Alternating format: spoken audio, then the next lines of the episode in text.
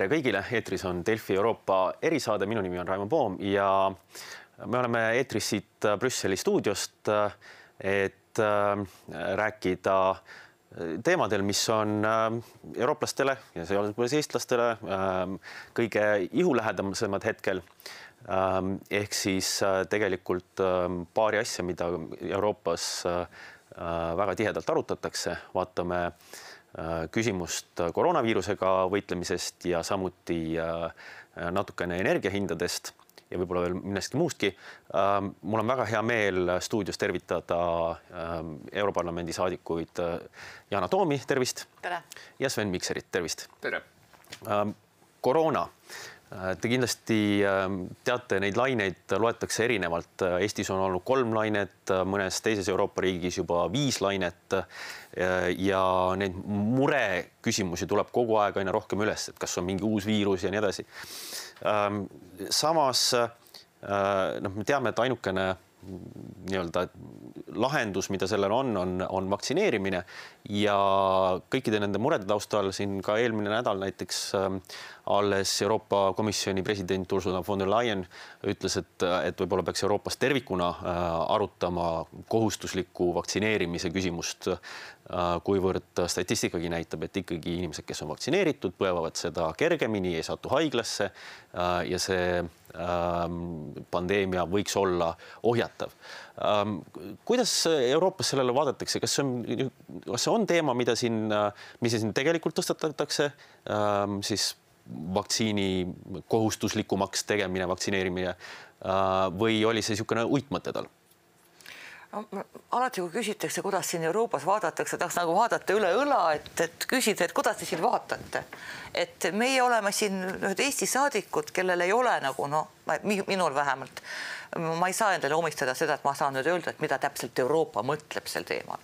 muidugi need arutelud käivad, aga nad on väga erinevad liikmesriikides ja ega Ursula seda ei öelnud asjata, sest Saksamaa juba läheb seda teed. seal sisuliselt praegu on piirangud mittevaktsineeritutele et, noh, nendele ja seitsekümmend kaks protsenti nendest, kes sai vaktsiini Saksamaal, nemad toetavad seda, et nendele siis mittevaktsineeritud oleks komandanditund ja kõikvõimalikud ligipääsupiirangud ja just täna mu sõbrad kirjutasid Saksamaalt, et äh, enam ei saa ka esmatarbekaupa poodi, kui sul ei ole äh, poodlema, kui sul ei ole seda vaktsiinitõendit. nii et see juba seal on ja Ursula von der Leyen lihtsalt kompas maad, et kas see on tehtav teistes liikmesriikides. mina arvan, et ei ole. kui Rumeenias on vaktsineerimistase või Bulgaarias, kus seal oli ka kolmkümmend kaks protsenti, no okei okay,, noh, nad teevad selle kohustuslikuks, kas see midagi muudab? no vist ei muuda ikka. Ursula von der Leyen äh, rääkis muidugi sellest, et liikmesriigid peaksid tõsiselt kaaluma äh, vaktsiinide kohustuslikuks muutmist pealkirjades jäi kõlama justkui seda tahetakse teha Euroopa üleselt. et ma arvan, et on, on väga hea, et Euroopa ühiselt äh, soetab vaktsiine. on väga hea, kui Euroopa läheneb ühiselt näiteks äh, vaktsiinisertifikaatide küsimusele ja, ja üritab reguleerida siis vaktsineeritute Äh, reisimisvõimalusi, nii et nad oleksid üheselt arusaadavad, sest ka siin on olnud ju väga suuri segadusi. Äh, vaktsiinide kohustuslikuks muutmine Euroopa tasemel äh, noh, kindlasti põrkab juba esmajoones sellele, et et tegemist ei ole ju Euroopa Liidu pädevusega, Euroopa Liidul tervikuna ei ole ka võimalust ei selle jõustamiseks ega, ega ka kontrollimiseks, nii et ma arvan, et see jääb kindlasti liikmesriikide pädevuseks. aga mitmed liikmesriigid liiguvad selles suunas ja, ja kasutavad erinevaid meetmeid, on ka ju siin juba algatusi, mille kohaselt näiteks eakate eh, mittevaktsineeritute puhul rakendatakse siis teatavat eh, sellist täiendavat eh, maksu või trahvi. Et, et tegemist on noh, kindlasti võrdlemisi sellise polariseeriva meetmega samal ajal on selge, et eks liikmesriigid otsivad ja peavadki otsima võimalusi, kuidas tegelikult motiveerida inimesi, kes seni ei ole otsustanud ennast vaktsineerida, ikkagi vaktsineerima. ja kui me vaatame kasvõi täna hommikusi uudiseid Eestist, siis, eh, siis me näeme, et pea kaheksakümmend protsenti raske Covidiga haigla, haiglaravil olijatest on vaktsineerimata, samal ajal kui ühiskonnas ju tervikuna kogu elanikkonnast juba, juba ligemale kuuskümmend protsenti on vaktsineeritud.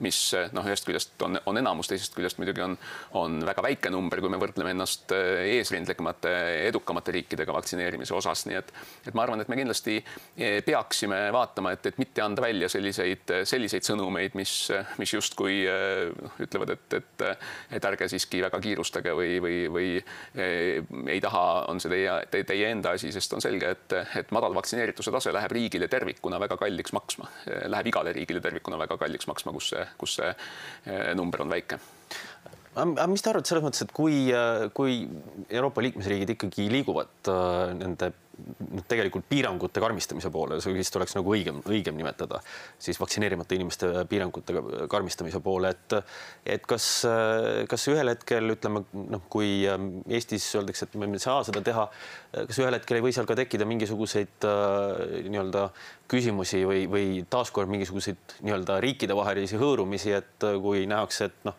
osades riikides ei lähe see kuskile, uued lained tulevad peale. Ähm, et, äh, et ma ei tea, jälle pannakse mingit reisimist kinni, tahab keegi panna või, äh, või tekitada mingisuguseid äh, piire Euroopa sees, kuna noh, osad riigid ei lähe, lähevad eest ära, teised jäävad maha noh, siin on mitu asja, esiteks keegi veel ei tea, mis see nagu omikron endast kujutab, et see, et ta on väga nakkav, seda me teame. kas ta on väga surmav, seda me veel ei tea. tegelikult kõik loogika nagu kõik epidemioloogide järgi nagu loogika on see, et iga viirus ta muutub aina nakatavaks ja aina nagu noh lõpp, lõpeb see kõik sellega, et sellest Covidist saab nohu. ainuke asi, et millal see juhtub, ilmselt veel mitte sellel talvel, mõne, mõne aasta perspektiivis nii-öelda. kas ta tõesti on nii ohtlik, seda me veel ei tea ja teine asi on muidugi see poliitiline dimensioon, ärge seda unustagem, sest peaaegu igas liikmesriigis, no vähemalt meil naabruses kindlasti, meil endil ja ka lätlastel ja ka mõnes teises riigis, alati on mingisugune opositsiooniline poliitiline jõud, kes võtab nagu selle antivakserluse nagu ette, olenemata sellest, mis on nende tegelik maailmavaade, aga kui me vaatame EKRE inimesi, nad on enamasti vaktsineeritud seal, need toredad äh, härrasmehed, aga ikkagi me seisame kõik nagu ühis, nagu üks inimene selle nagu kohvikupidaja selja taga ja nii edasi. ja noh, olgem ausad, see on igal pool, milline kingitus kõikvõimalikele paremäärmuslastele mine äh, inimesi sundvaktsineerima. no lihtsalt see on ju fakt et ja me peame ikka olema nagu päris noh, mitte et ettevaatlikud, aga ikkagi pidama kogu aeg meeles, et on jõud, kes kasutavad seda väga osavalt ära. ja teine asi, kolmas asi juba nüüd see, et ega see äh, vaktsiini skeptilisus pole ju mingisugune eilne või üleeilne või isegi selle Covidiga tulnud asi. meil ju kogu aeg kasvas arv inimesi, kes keeldusid oma lapsi vaktsineerimast. see oli ju, see oli ju vana probleem, millega ei tegeletud ja nüüd kõik need no. tegelased, kes on, ma ei tea, neljakümne aastased, pole elu sees ühtegi vaktsiini sa saanud ja on veel elus imekombel, nüüd nad arvavad, et polegi seda vaja. nii et see on nagu noh, pikkade aastate tegemata töö eks eh, loomulikult ka kõik need varasemad eh, vaktsiinid, millega on eh, päris palju surmavaid haigusi suudetud ju päriselt maailmast ka elimineerida.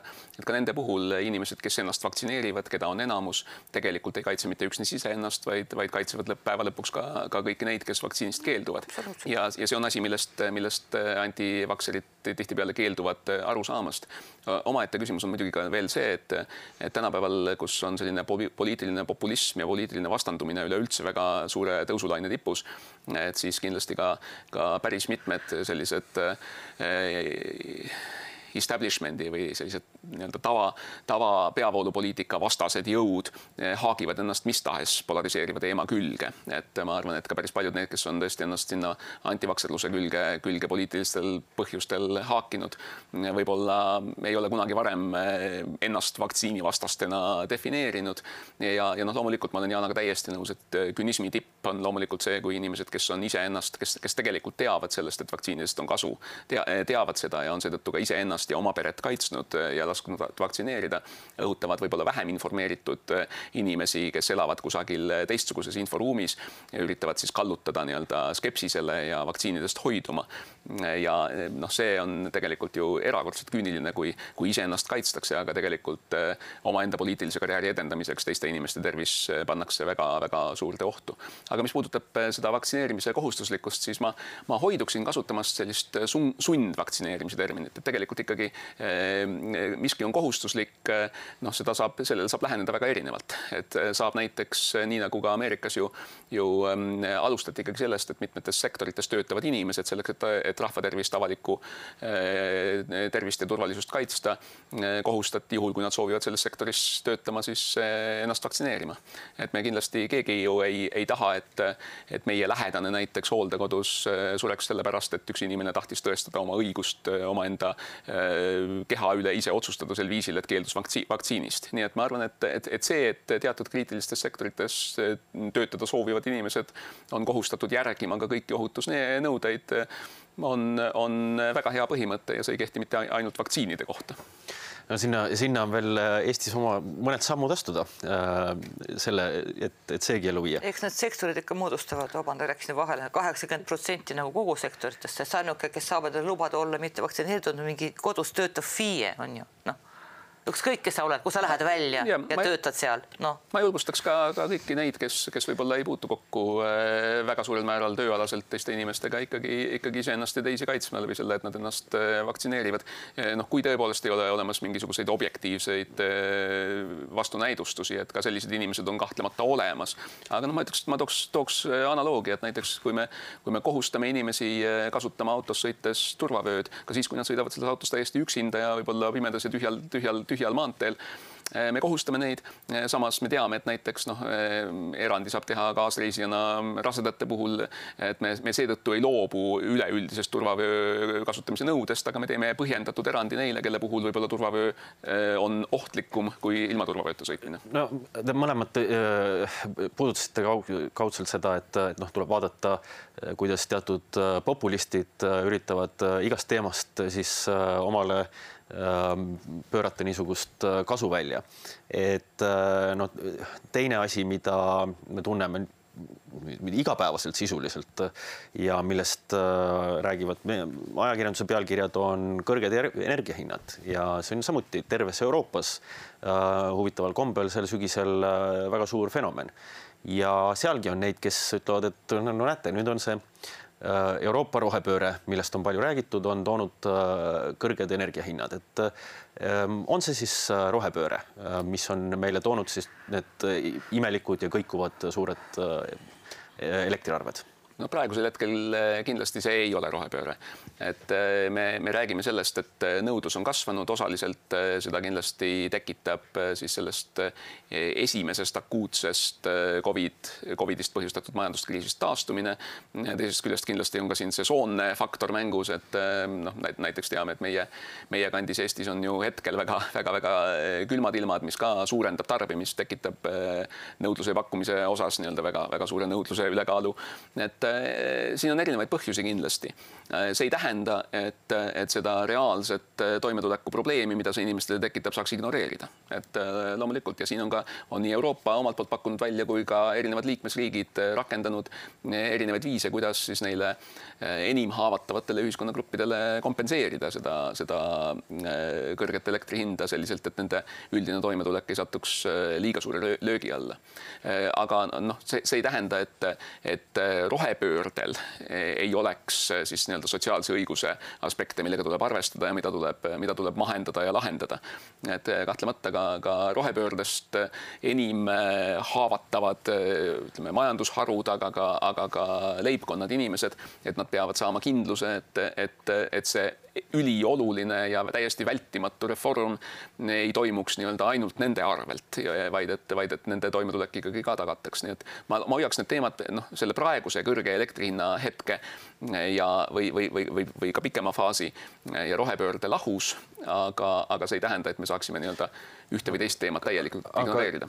Jana, tuleb need lahus hoida ja, ja kas nagu saadakse piisavalt aru, noh, lahus hoides kasvõi, et, et ei. kui kui oluline see teema on? Äh, tegelikult no olulisest võib ju aru saada, aga teema iseenesest on väga-väga komplitseeritud. ma pean ütlema, et ma siin tegin kõvasti kodutööd iga kord, kui tuleb saates nagu see teema, istud tundide viisi, üritad aru saada, et okei okay,, ma siin ütlen sellise lause, et hinnad on kõrged, sellepärast on meil on selline turudisain siis sa hakkad selgitama nagu ükshaaval, mida see väljend turudisain tähendab. Ja ma olen endine ajakirjanik, ma saan aru, pean seda tegema nii, et inimene ei jääks magama, on ju, sealpool ekraani, et tal oleks nagu selge, kus nagu, kus see koer maetud on. Ja hetkel on koer maetud, no esiteks me oleme selles Nord Pooli nagu äh, energiaturus on ju, kus tänagi oli, olid hommikul Eestis uudised, et me oleme, seal on kolm piirkonda nii-öelda, me oleme selles piirkonnas, kus on, kus on hetkel kõige kõrgem elektri hind. Leedu, Läti, Eesti, Soome. teistes on, ma ei tea, kolm-neli korda madalam, samas, sama turu sees. juba see tekitab õigustatud küsimusi, et mis jama see siin on. jama on selles, et tänane elekter maksab nii palju, kui maksis eilne kõige kallim elekter. noh kui mina toodan elektrit, ma ei tea, roosiõitest, mis on meeletult kallis ja mina sisenen turule täna kell viis, siis homme kell viis, kui sa toodad elektrit põlevkivist, mis on kordades odavam kui roosiõitest toodud elekter, siis sinu põlevkivielekter maksab sama palju, kui maksis eile kell viis minu roosiõitest elekter. kõik juba magavad seal, on ju. Need asju ei ole nagu kerge nagu lahti seletada ja see siin ma nagu, ma olen nõus sellega, mida rääkis Sven, et see pluss me olime selles nagu öö, mingisuguses madalfaasis, nüüd see kogu see majandus taastub, meil on vaja rohkem energiat, meil on defitsiit, oli vähe vett, oli vähe tuult, mida iganes Venemaa ei anna juurde, kuigi võiks ju anda, aga pole kohustuslik, kohustatud, seega ei anna. ühesõnaga selline puder ja kapsas. kui ma seda loen ühes tõsises, ma ei tea, Äripäevas, siis mul on palju lihtsam liikuda Facebooki mis tegelikult Facebooki see infovoog, see on ju Naised saunas rääkisid pluss ta on disainitud niimoodi, et kui ma vaatan ühte rumalat videot, siis ta mulle pakub järgmine päev kaksteist rumalat videot, siis sinna veel sada korda ja inimesed vajuvad sellesse mulli väga lihtsalt. nii et me, me, me võime siin rääkida Delfis või kus iganes ma ei tea, kui tarka juttu, aga me räägime kindlasti praegu mööda nendest inimestest, äh, kes ei saa sellest aru ja ei taha sellest aru saada ka. See on suur probleem okei okay,, aga selles mõttes, et, et äh, need väga kõrged hinnad on äh, noh, fakt. reaalsus. reaalsus, eks äh, ja, ja ma ei tea, kas, kas noh, Sven mainis, et Euroopas on tehtud algatusi, et liikmesriigid saaksid midagi teha. kas, kas seda ikkagi piisavalt nagu tajutakse, et või nagu piisavalt tähtsustatakse seda teemat ka siin, et? ma arvan, et, et, et kõike seda, mis puudutab valijate toimetulekut poliitikud kindlasti tajuvad probleemina, et eh, kahtlemata see ju, see ju kajastub otseselt eh, inimeste, inimeste siis toetuses ühele või teisele poliitil-, poliitikale, poliitilisele jõule, võimulolijatele ja, ja see on demokraatias ju poliitikute jaoks kõige tähtsam. aga nüüd eh, kindlasti on lihtne eh, tulla välja mingisuguste liht, lihtsate ja mittetöötavate vastumeetmetega. näiteks öelda, et, et haagime ennast lahti kusagilt ja, ja teeme ise odavamalt ja, ja, ja, ja või, või ka, või ka, et näiteks hakkame mängima mingisuguste maksusüsteemi iseärasustega.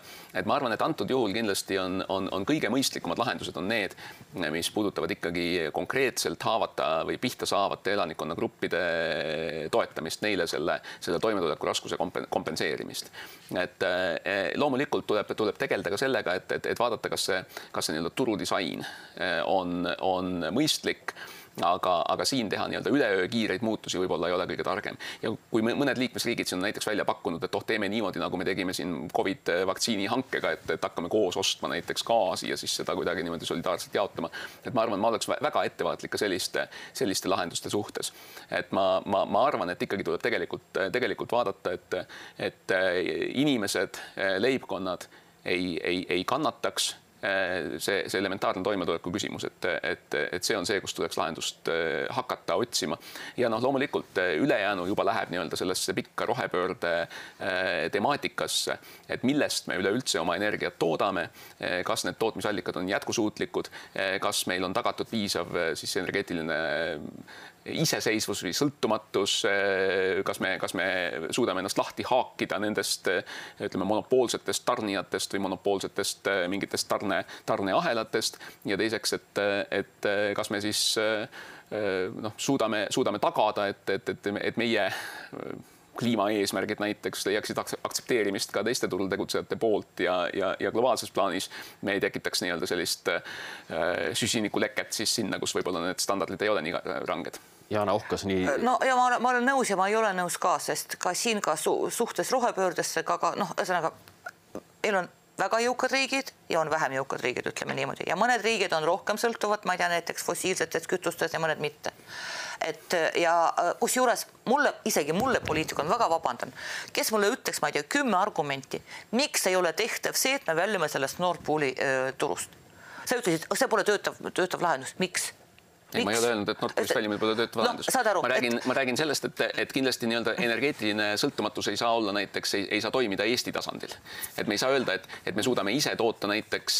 me toodame täna seitsekümmend protsenti. et me suudame põlevkivist toota, me, me tegelikult suudaksime näiteks avades neli uut meretuuleparki, suudaksime olla ka rohelise energia netoeksportijad, et see on, see on, see on põhimõtteliselt võimalik. aga, aga, aga me kindlasti ei peaks otsima lahendusi selles, et haagime ennast lahti ülejäänud maailmast, haagime ennast lahti Euroopast ja siis me suudame ise olla eh, olla kestlikud ja, ja, ja toota kõik endale vajamineva, alates äh, tervislikust toidust kuni, kuni äh, la, laes põleva lambipirnini ise. et ma arvan, et me tegelikult peaksime ikkagi neid lahendusi otsima koostöös oma äh, nii-öelda vähemalt, vähemalt sarnaselt mõtlevate riikidega, eeskätt, eeskätt siin Euroopas, aga ka, aga ka laiemalt sellises sarnaselt, sarnaselt mõtlevatel riikidel ei pruugi olla seda väga vajalikku meile toorainet, olgu see, ma ei tea, gaas või aatomienergia või mis iganes no,. no eks, eks tegelikult et, ju strateegilises plaanis, aga jällegi see peab toimuma nii-öelda sotsiaalselt, sotsiaalselt vastuvõetaval viisil.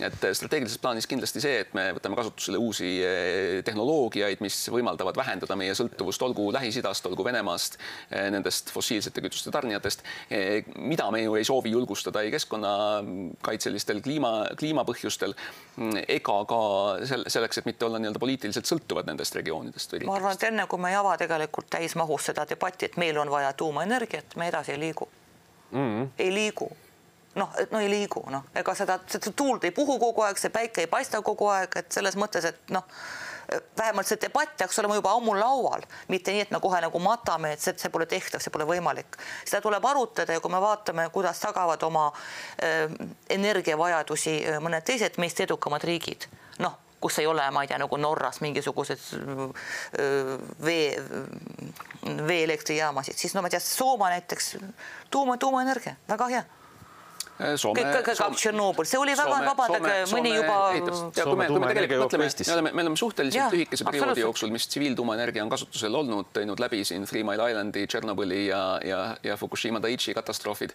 et, et kahtlemata eh, see ei ole ka küsimus, mida saaks täielikult ignoreerida, aga tuumaenergia debatt kindlasti on päevakohane. samas me näeme, et paljudes suurtes Euroopa riikides pärast just nimelt Fukushima Daiichi katastroofi ju, ju eh, tuumaenergiast sootuks loobuti, mis jällegi nii-öelda muudab seda kogu seda, kogu seda nõudmist nõudmise-pakkuse vahekorda muudab seda, seda mm, eh, nii-öelda turudisaini mõnevõrra, nii et, et, et, et kahtlemata ka siin poliitiline faktor on oluline. aga, aga öelda, et, et tuumaenergia on kohene lahendus kõigele, et ma, ma oleks väga ettevaatlik, sest et näiteks need välja pakutavad äh, erinevad disainid ei ole, ei ole kommertslikult veel maailmas kasutusele võetud, millest on räägitud näiteks Eesti puhul, nii et ka see on, ka see on pikaajalisem debatt nii ehk teisiti aga igal juhul me istume siin seitsme kilomeetri kaugusel ühest suurest tuumaelektrijaamast ja tunneme ennast päris okei okay,, on ju. ma, ma jõuan veel viimase asjana küsida ka seda, et, äh, et väga palju äh, arutatakse hetkel seda, et mis toimub Ukraina ümber.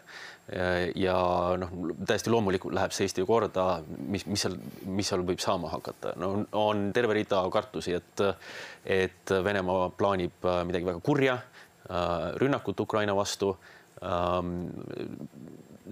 teiselt poolt äh, siis kui vaadata nagu lääst, läänt ja, ja USA, siis seda võetakse päris tõsiselt. Ähm, kas, mida te näete, mis seal, mis seal on toimumas, et kas äh, nendel kartustel, et seal võib päris kuumaks minna uuesti, on, on äh, alus all või no ma arvan, et tegelikult on küll, ma ei tea, mis arutelud seda, Sven räägib paremini selles välisasjade komisjonis, kindlasti on sellele pühendatud äh, rohkem aega, kui mina oma äh, peas sellele pühendan, aga olukord on päris äh, päris tuleohtlik, ma ütleks, et no mul on selline tunne, et praegu ootaks ära nagu, mida see kohtumine seal toob, et millest nad seal ikka kokku lepivad ja kuidas. praegu mul on selline tunne, et noh, kes keda nagu üle bluffib nagu et seal head lahendust ei ole tegelikult, et Venemaa ütleb, et andke meile lubadus, et Ukraina ei astu NATO-sse ja sellega me väldime ala kolmandat maailmasõda. julgeoleku kaitsealases planeerimises alati tuleb lähtuda kõige halvemast variandist, mitte kõige paremast. et kui sa planeerid ideaaljuhuks, siis, siis alati tõenäoliselt läheb natuke, vähemalt natuke halvemini. kui sa planeerid kõige hullemaks stsenaariumiks, siis on olemas tõenäosus, et ehk läheb natuke paremini, aga vähemalt ei, vähemalt ei saa minna halvemini. ja, ja noh, kui me räägime näiteks Venemaast, tegemist on ikkagi riigiga praeguse poliitilise juhtkonna all, mis on, mis on alustanud oma naabrite vastu kahte, kahte relvastatud agressiooni selle sajandi jooksul. nii et, et ma, ma, ma kahtlemata ei arva, et, et Vene liidrid istuksid nii-öelda pidevalt ja mõtiskleksid, kuidas algatada uusi sõjakäike või et, või et sõjaline lahendus oleks mis tahes vastuolus oma naabrite või läänega nende esimene valik aga, aga arvestades kasvõi juba seda ajaloolist kogemust väga-väga lähedasest ajaloost, siis ma arvan, et me peame olema valmis selleks, et Venemaa võib otsustada kasutada sõjalist jõudu ka tulevikus, juhul kui ta arvab, et, et hetk on soodus. et eh, loomulikult eh, kõik need pingete eskaleerumised ei päädi kindlasti sõjalise konfliktiga ja ja, ja, ja, ja tasub pingutada selle nimel, et, et seda eskalatsiooni ei, ei toimuks aga, aga kindlasti peab olema väga-väga tähelepanelik ja, ja hoidma silmad-kõrvad lahti. ja, ja noh, astuma kõikvõimalikke diplomaatilisi, poliitilisi ja muid samme selleks, et, et seda eskalatsiooni ära hoida. ja muid? no jah, ja muid. ja no, muid igal juhul Euroopas on nähtavalt teemasid selliseid, mis vajavad tähelepanu sisuliselt nagu igal päev, igal päeval Äh, Delfi Euroopa erisaade tuleb kindlasti kõigi nende juurde tagasi järgmistel kordadel. aitäh vaatamast ja kuulamast